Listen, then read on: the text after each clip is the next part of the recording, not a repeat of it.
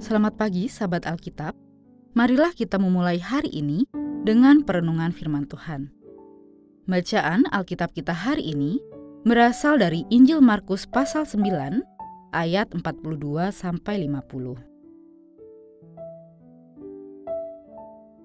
Siapa saja yang menyebabkan salah satu dari yang kecil di antara mereka yang percaya kepadaku ini berbuat dosa, lebih baik baginya jika sebuah batu gilik diikat pada lehernya, lalu ia dibuang ke dalam laut. Jika tanganmu menyebabkan engkau berbuat dosa, penggalah. Lebih baik engkau masuk ke dalam hidup dengan tangan buntung daripada dengan kedua tangan utuh pergi ke dalam neraka, ke dalam api yang tak terpadamkan. Di tempat itu, ulat-ulatnya tidak mati dan api tidak terpadamkan. Jika kakimu menyebabkan engkau berbuat dosa, penggalah. Lebih baik engkau masuk ke dalam hidup dengan timpang daripada dengan kedua kaki utuh dicampakkan ke dalam neraka. Di tempat itu, ulat-ulatnya tidak mati dan api tidak terpadamkan.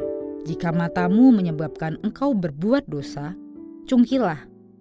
Lebih baik engkau masuk ke dalam kerajaan Allah dengan satu mata daripada dua mata dicampakkan ke dalam neraka, di mana ulat-ulatnya tidak mati dan api tidak terpadamkan. Karena setiap orang akan digarami dengan api. Garam memang baik, tetapi jika garam menjadi tawar, dengan apakah kamu mengasinkannya? Tersandung ketika kita sedang berjalan, merupakan pengalaman yang tidak mengenakan. Sampai-sampai dalam Alkitab terdapat istilah batu sandungan. Hal ini untuk menggambarkan sikap atau pribadi yang menjegal atau menghalangi orang lain. Himbauan untuk tidak menjadi batu sandungan ini disampaikan Tuhan Yesus dengan amat keras dan ditujukan bagi segelintir orang dalam jemaat yang terpandang tetapi memiliki perilaku yang buruk. Sampai-sampai dalam ungkapan yang sangat keras, Tuhan menyatakan bahwa Ia yang menjadi batu sandungan lebih baik mati sebelum hal itu terjadi. Batu sandungan di sini menyangkut situasi yang dapat berakibat fatal, seperti pemurtatan. Perilaku tersebut menjadi pemantik penyesatan dari mereka yang kecil Kata satu dari yang kecil di sini bukan menyangkut anak kecil secara usia, melainkan mengarah pada orang-orang sederhana dalam jemaat yang mudah digoyangkan imannya. Sebagai catatan, di luar Yahudi pada saat itu terdapat praktek hukuman serupa, yaitu menenggelamkan penjahat besar yang biasanya melakukan penyesatan ke dalam lautan dengan mengikatkan batu pada leher penjahat tersebut.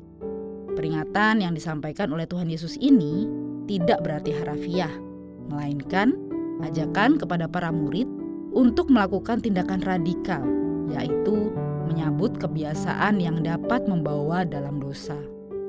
Lebih baik menderita sedikit, namun dapat masuk ke dalam kerajaan Allah, daripada tidak menghilangkan kebiasaan buruk yang akan membawa mereka pada kebinasaan kekal.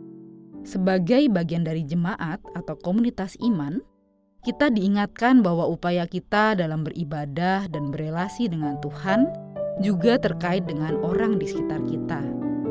Berhati-hatilah dalam berpikir dan bertindak agar sikap kita tidak menjadi batu sandungan bagi yang lainnya, melainkan menjadi berkat bagi sesama.